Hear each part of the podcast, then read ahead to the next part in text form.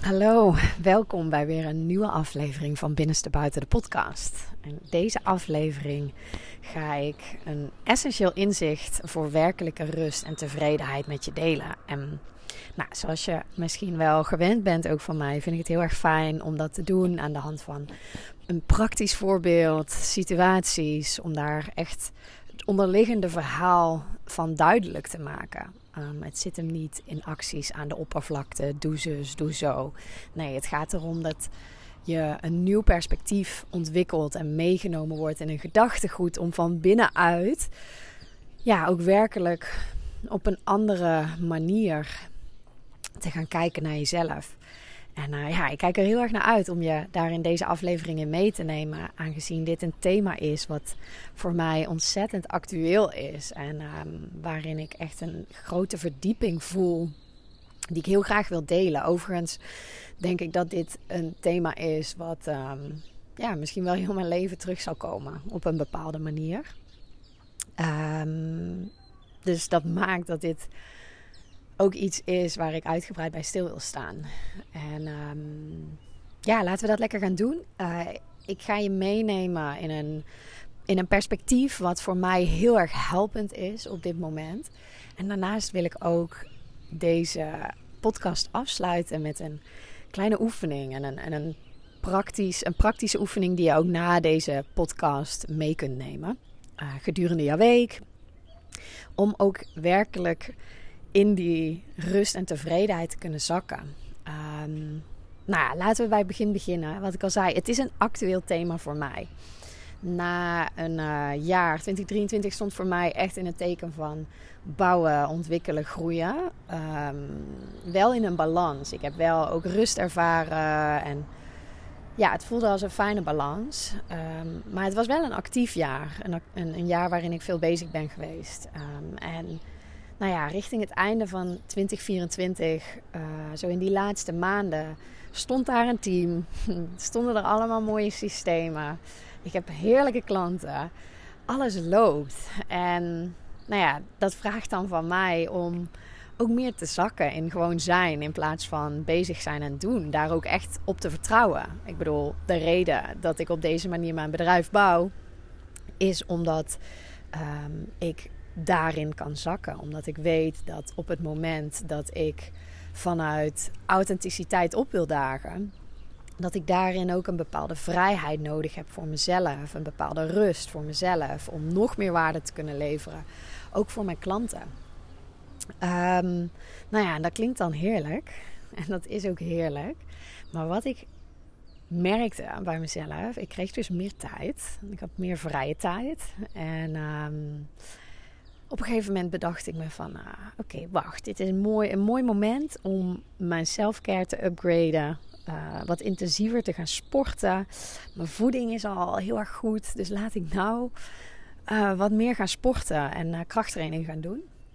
Nou, zo gezegd, zo gedaan, daar ging ik mee aan de slag. Lang verhaal kort op een bepaald punt merkte ik van... oké, lekker Lee, hier ben je iets te ver in doorgeschoten. Ik stond uh, nou, vijf, vijf, tot zes keer per week... Uh, anderhalf tot twee uur in de sportschool.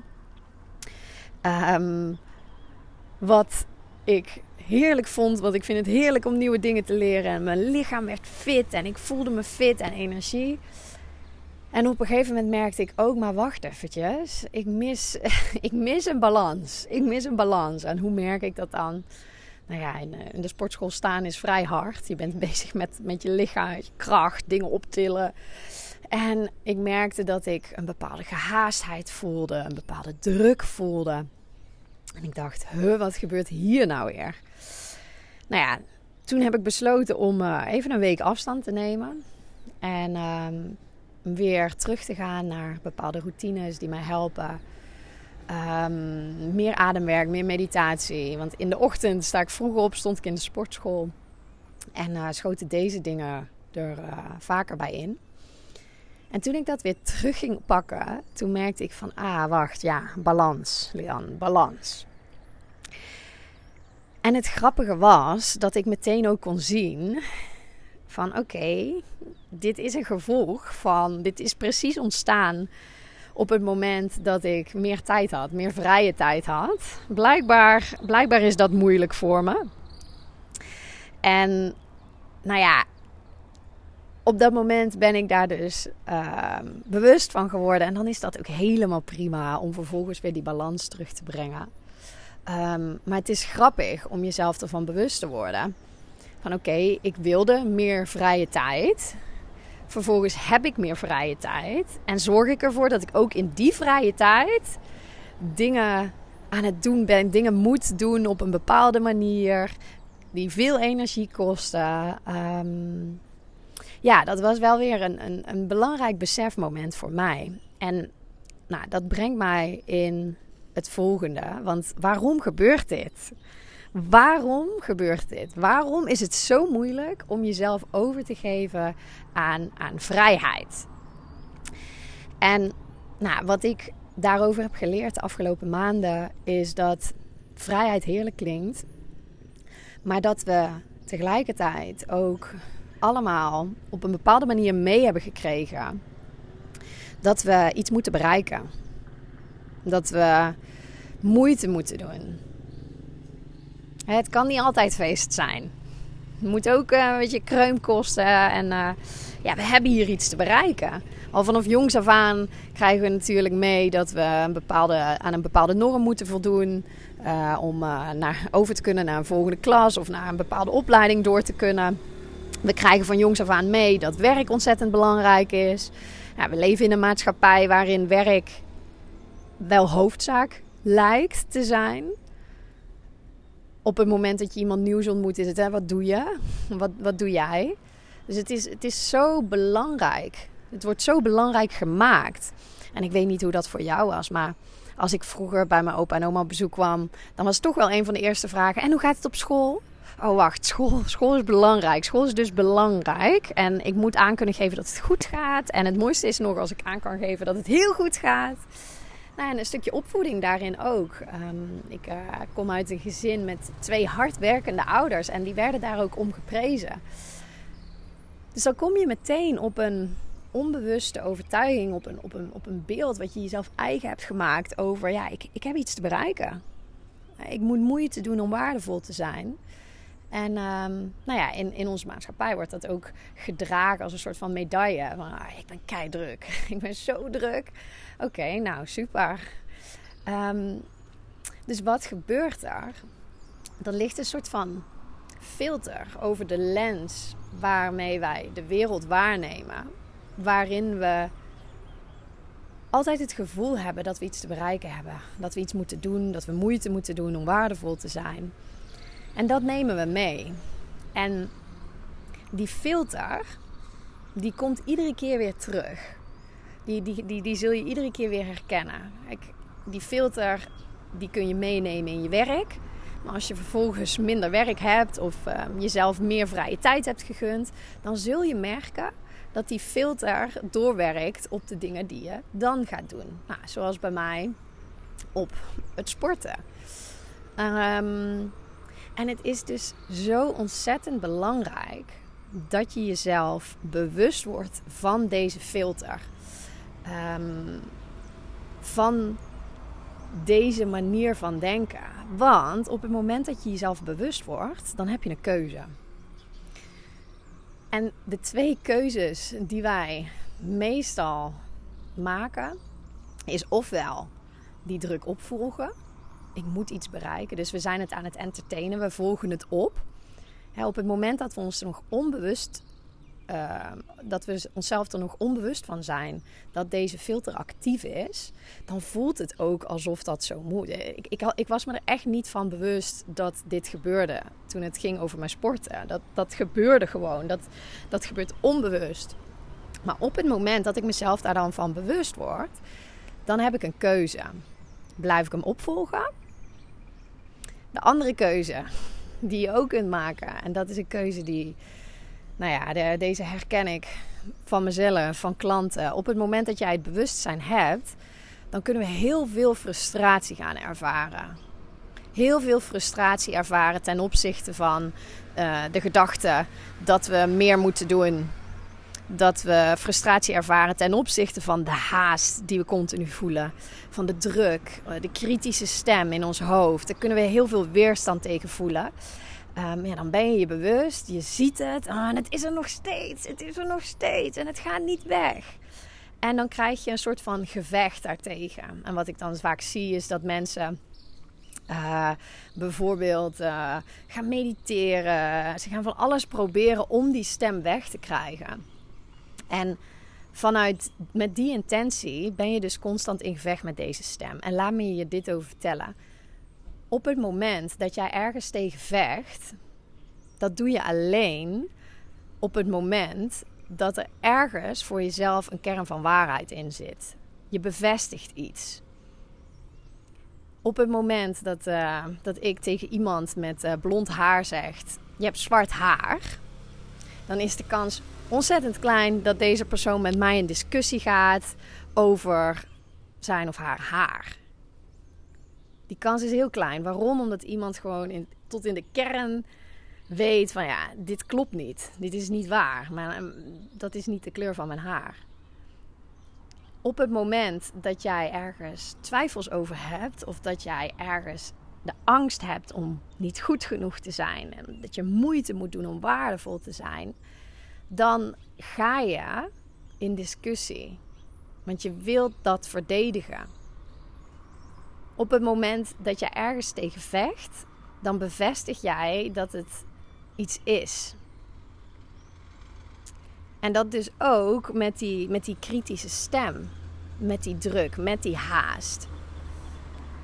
Dus we hebben twee vrij gangbare keuzes op dat moment. Dat is de stem en de haast entertainen, opvolgen. Of er tegen gaan vechten. Nou, deze, allebei deze keuzes zijn niet wenselijk natuurlijk. Dat uh, hoef ik je niet uit te leggen. Maar wat dan wel? Nou, en dit is wat voor mij zo'n practice is. Dat vind ik echt belangrijk om te benoemen. Dit is echt een practice. Um, want deze, deze rol die kennen we niet. We zijn vaak of aan het vechten of aan het entertainen, aan het opvolgen. Maar deze rol die ik nu met je wil gaan bespreken, dat is een rol die, die, die ongemakkelijk is. Vooral in het begin. En dat is namelijk de rol van de observator de waarnemer. Dus er is bewustzijn, waardoor je ervoor kiest om het niet op te volgen. Maar je gaat ook niet mee in het gevecht, in de discussie. Dus je kunt het allebei zien. Je kunt het zien gebeuren. Je bekijkt het van een afstandje zonder het op te volgen en zonder er tegen te vechten. En nou, wat ik al zei, dit is de practice. Dit is waar je wordt uitgenodigd om in die observatorrol te stappen. En um, dat vraagt iedere keer weer om bewustwording, jezelf eruit halen en achteroverleunen. Dat is het bijna. Ik ga je er eventjes in meenemen hoor, want ik kan me voorstellen dat je denkt, ja lekker Lian, hoe dan? Er zijn een aantal praktische dingen die mij hier ontzettend in helpen. Wat ik mezelf sowieso, ik, ik stel mezelf letterlijk voor dat ik achterover leun. Van oké, wacht eventjes. Ik zie deze gedachte, ik, ik ervaar deze haast. Ik neem hier even afstand van. Ik ga dit nu niet opvolgen. En dat is super ongemakkelijk. In die momenten ehm, is adem richten op je ademhaling echt letterlijk even afstand nemen, afstemmen op je adem, is, is een hele makkelijke, praktische tool. Omdat je met je ademhaling je lichaam kunt vertellen: hey, het is goed, je bent veilig, ontspan maar. Je hoeft hier niks mee. Door je ademhaling te verdiepen in deze momenten, ehm, breng je jezelf uh, tot rust. En ondanks dat die druk aan je trekt, haal je jezelf zo in die breng je jezelf in die observatierol.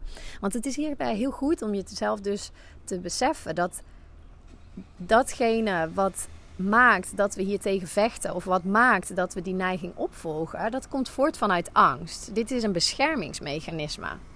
We willen erbij horen. We willen waardevol zijn.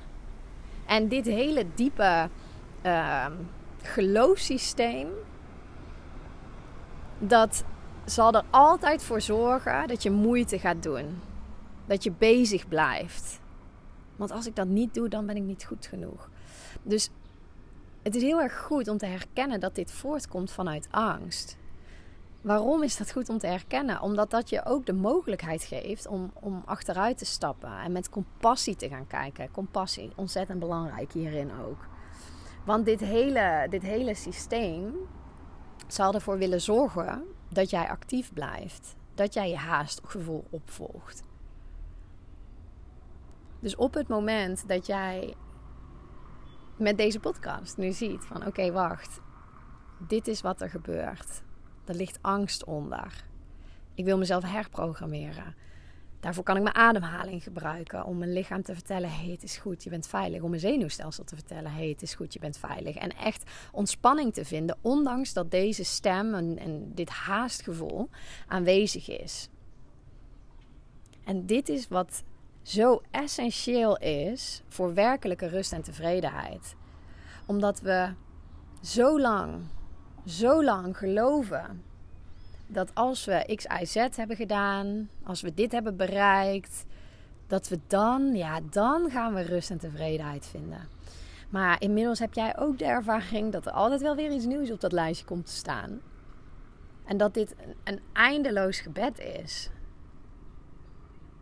En het gaat er dus om dat je, ondanks dit gevoel, ondanks deze stem, dat je hem kunt waarnemen en dat je er niet voor kiest om hem op te volgen, ook er niet voor kiest om er tegen te vechten, maar dat je een stap terugneemt en je eigen plan trekt.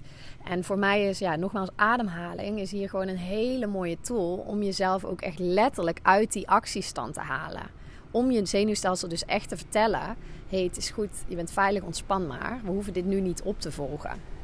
Dit hoeft niet. En dat is ook wat werkelijke vrijheid is, natuurlijk. Je bent niet vrij omdat je nooit meer hoeft te werken of omdat je geen verantwoordelijkheden hebt. Ja, dat kan voor mensen vrijheid zijn, maar ik ken heel veel mensen die die vrijheid hebben en die zich totaal ongelukkig voelen omdat ze geen vervulling ervaren voor mij, als ik kijk naar mijn definitie van vrijheid, dan gaat dat juist gepaard met heel veel verantwoordelijkheden. Dingen die ik belangrijk vind, die ik echt heel, heel, die me echt tot in mijn kern gelukkig maken. Maar die niet mijn dagelijkse leven dusdanig beïnvloeden dat het voortkomt vanuit de angst om niet goed genoeg te zijn. Vrijheid is het, het, hebben van verantwoordelijkheden het herkennen van, van die stem, van die neiging, van die filter over mijn ogen, over mijn lens. Dat kunnen zien en het niet opvolgen.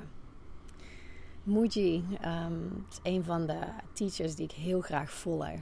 Um, die hoorde ik ooit zeggen: Use your mind, but don't be used by the mind op het moment dat we in die observatiepositie stappen, dan maken wij een keuze. En nou ja, ik heb het al met je gehad over ademwerk, maar voor mij zijn er ook nog een aantal andere zaken die me heel erg helpen. En dat is um, dans. Op het moment dat ik voel dat ik in die druk, in die haast en ik moet van alles, dan kan ik vanuit die observatiepositie ervoor kiezen om even lekker muziekje aan te zetten en te dansen. Ik bepaal. Deze gedachte, mijn mind bepaalt niet. Ik bepaal. Ik bepaal dat ik nu ga dansen en dat ik niet ga dansen naar de pijpen van mijn, van mijn angst. Om je energie, want door dans maak je ook letterlijk een switch in je energie. je gaat vanuit een soort van seeking energy zoeken naar oh, wat moet ik nog meer en wat kan ik nog meer en het is niet goed genoeg. En naar ja, een soort van voor mij is dans gewoon echt vrijheid, blijheid. En daarmee vervaagt die, die druk, die kritische stem. Ander ding wat ik ehm, heel erg regelmatig doe, is zakken in alledaagse momenten. Ehm, wat ik herken van mezelf van, van voorheen. Net zoals boodschappen doen, dat was iets wat ik afgevinkt moest hebben van mijn lijstje. En ook als ik dan die mooie bos bloemen mee naar huis had genomen, hup snel die stelen, die stelen koord in een vaas en door. Maar wat ik inmiddels echt heb geleerd is om te zakken in die momenten. Om aanwezig te zijn in die momenten. Een muziekje aan te zetten als ik die bloemen, uh, die bloemen aan het snijden ben. Muziekje op te zetten, echt stil te staan, te kijken naar de kleuren, de geuren te ruiken. En ondanks dat deze stem dan wellicht aanwezig is die zegt van Lian, kom eens op je, je moet nog dit en dit en dat. Nee, ik ben hier en nu. Ik heb helemaal niks te bereiken. Ik hoef helemaal niks te doen om waardevol te zijn. Dat is eigenlijk telkens de practice voor mij. En het was wel heel erg mooi, want ik sprak deze week iemand um, die ik eerder had ontmoet, twee jaar geleden. En uh, we zagen elkaar, uh, kwamen elkaar weer tegen op het strand. En we raakten in gesprek en hij vertelde eigenlijk dat hij heel erg zoekende was op dit moment. Hij zei eigenlijk letterlijk van ja, Lian, financieel is alles rond. Het loopt gewoon, maar ik weet gewoon niet wat ik moet met mijn dagelijkse leven. Ik, ik voel, ik, ik ben gewoon verveeld. Ik, ja, ik weet niet wat ik moet. En we zaten in gesprek en op de achtergrond ging de zon steeds, steeds verder onder. En we zaten in gesprek en hij was telkens op zoek naar wat dan wel. Ja, misschien moet ik weer uh, gaan schilderen. Misschien moet ik zus. Misschien moet ik eens in gesprek met die en die en die. En ondertussen zat ik zo achter hem door naar die zonsondergang te kijken. En ik zei tegen hem van, hey, kijk eens voor je. Moet je eens zien, die kleuren. En hij keek me aan en hij zei van, wat, kan jij daar nu nog steeds zo van genieten? En toen viel voor mij echt het kwartje dat ik ook tegen hem zei van volgens mij, volgens mij is dit de essentie van hetgene waar jij op dit moment tegenaan loopt. Je zit vast in die seeker energy. Je bent aan het zoeken, zoeken, zoeken. Op het moment dat jij niet kunt zakken in deze momenten en de zonsondergangen zijn hier echt adembenemend. Adembenemend. En natuurlijk heb ik ook mijn avonden dat ik hem niet eens zie. Maar jezelf wel weer terughalen naar die momenten dat is zo essentieel. Even gaan zitten. En ja, misschien is die stem wel aanwezig tijdens die zonsondergang. Die vertelt dat je morgen allemaal zo, zo, zo, zo moet doen. En dat je dit nog moet doen als je thuis komt. En uh, met allerlei shit op de proppen komt die je actief probeert te maken. Maar ook hier is, eigenlijk, is de uitnodiging gewoon weer: kun je observator zijn van die gedachten terwijl je verdiept in dit moment en naar die zonsondergang kijkt. Op het moment dat jij deze vaardigheid niet beheerst, dan, dan word je gewoon echt geleid door deze stem. Door deze seeker energy. Door de angst om niet goed genoeg te zijn. Vrijheid is een inner job. En dan kun je nog in een tropisch paradijs zijn. Maar op het moment dat jij nog steeds die verhalen van je mind aan het uh, entertainen bent, die neiging om op zoek te gaan naar meer en beter en altijd maar actief zijn, ja, dan, dan heb je daar eigenlijk helemaal niks aan. Dus gebruik die alledaagse momenten. Heb je kinderen? Gebruik een moment, neem een moment, al is het maar 15 minuten om gewoon even te oefenen als dit nog nieuw voor je is. Maar ga even helemaal op in dat spel. Ga mee en, en zie daar, zie die stem op het moment dat hij aanwezig is, zie die stem, herken die stem. Neem hem onder je armen. Deze stem die heeft jou al die jaren proberen te beschermen. Die heeft er al die jaren voor proberen te zorgen dat jij uh, gewaardeerd zou worden. Dat je niet, niet goed genoeg zou zijn. En jezelf hiervan bevrijden, dat is niet. Uh, oh, ik luister eens een podcast of ik lees eens een boek. Nee, dat is een dagelijkse practice die jij, uh, die jij te herhalen hebt. En hoe vaker je hem herhaalt, hoe makkelijker het wordt. Ja, hm. dat is wat ik heel graag met je wil delen. En het lijkt me mooi om je ook eventjes mee te nemen in een korte ademhalingsoefening die jij op ieder moment van de dag zelf erbij kunt pakken. Op het moment dat je in haast zit, dat je in druk zit, dat je, dat je die energie bij jezelf herkent. Of dat je aan het vechten bent tegen deze energie. Dat je deze ademhalingsoefening even voor jezelf kunt doen. Jezelf even uit de situatie te halen. Om vervolgens te zakken in een alledaags moment. In het spelletje met de kids. In dat kopje thee. Even tegen je hart aanhouden. De warmte voelen. In die prachtige omgeving. De bossen. Dat je vanuit deze ademhalingsoefening jezelf in die observatiepositie kunt brengen. En hiermee kunt gaan oefenen. Nou, sluit even je ogen. Leg je linkerhand op je hart. Je rechterhand op je onderbuik. En breng je aandacht naar je ademhaling. Neem voor jezelf maar eventjes waar waar die ademhaling precies zit in jouw lichaam. Op het moment dat deze ademhaling hoog in jouw lichaam zit, dan kunnen we dat nemen als informatie die ons vertelt dat jouw zenuwstelsel erg actief is op dit moment. En dat is oké, geen oordeel. Jij bent hier om in die observatiepositie te stappen. En dat kunnen we doen door onze ademhaling te gaan verdiepen. Door onze ademhaling te verdiepen via ons hart naar onze buik, vertellen we ons zenuwstelsel: hey, het is goed. Je bent veilig, ontspan maar. En ik zou je voor uh, willen vragen om jezelf voor te stellen dat je met iedere verdieping in je ademhaling jezelf voorstelt dat er meer afstand ontstaat tussen jou en dit gehaaste gevoel of deze kritische stem. Je ademt in door je neus, via je hart naar je buik en je blaast uit door je mond. Dat herhalen we nog twee keer. In door je neus. Via je hart naar je buik. En op de uitademing ontspan jij jouw lichaam. Nog een laatste keer samen. In door je neus. Stel jezelf voor dat je afstand neemt Blaas uit door je mond en ontspan in deze observatiepositie. Je hoeft niks te bereiken.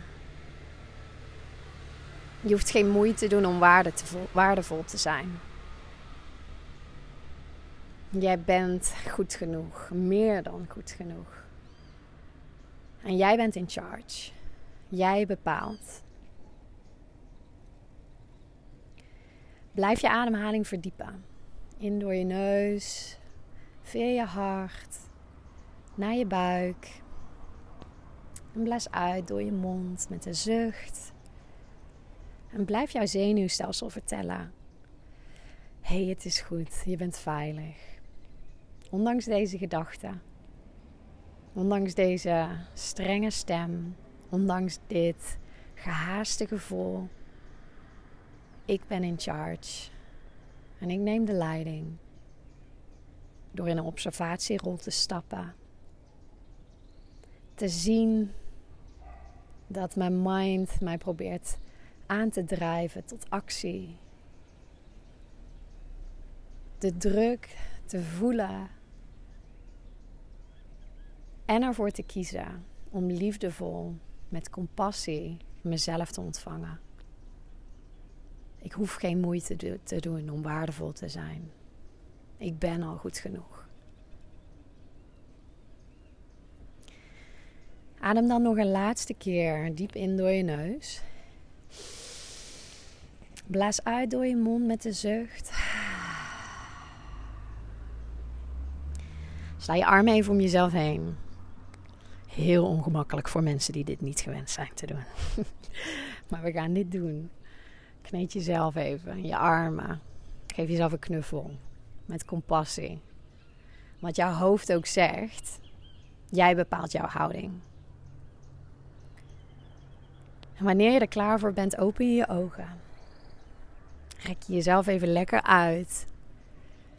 Vanuit het besef dat ditgene wat wij vandaag besproken hebben met elkaar essentieel is voor werkelijke rust en tevredenheid. En dat vrijheid een inner job is. Waar je tijd voor mag maken. Aandacht aan mag geven. En ik wil je aanmoedigen om de komende dagen, iedere dag, een moment te nemen. Waarin je even helemaal zakt in dat spel met de kids. In dat mooie uitzicht, in die kop thee, in die knuffel met een vriend of een partner. Ondanks deze stem, vanuit de observatiepositie, ben jij in charge. Nou, dan hoop ik dat deze podcast waardevol voor je was. Dat deze bij je mag blijven en dat ook jij mag voelen dat je steeds dichter bij die werkelijke vrijheid in de vorm van rust en tevredenheid komt. En mocht jij nou op de hoogte willen blijven wanneer er weer een nieuwe podcast is, of wanneer jij iedere week van mij aanmoediging wilt ontvangen in het creëren van deze rust, in die compassievolle houding naar jezelf, in vrijheid, in authenticiteit dan wil ik je aanraden om je in te schrijven voor de nieuwsbrief. Iedere maandag verstuur ik de nieuwsbrief met praktische tips of weer een nieuwe podcast die online staat. En ehm, daarmee ben jij telkens de eerste die aan de slag kan met weer een nieuwe tool. Ik zal de link plaatsen in de show notes, zodat jij jezelf kunt aanmelden. En dan hoop ik jou binnenkort weer te zien. Ik stuur jou heel veel liefs.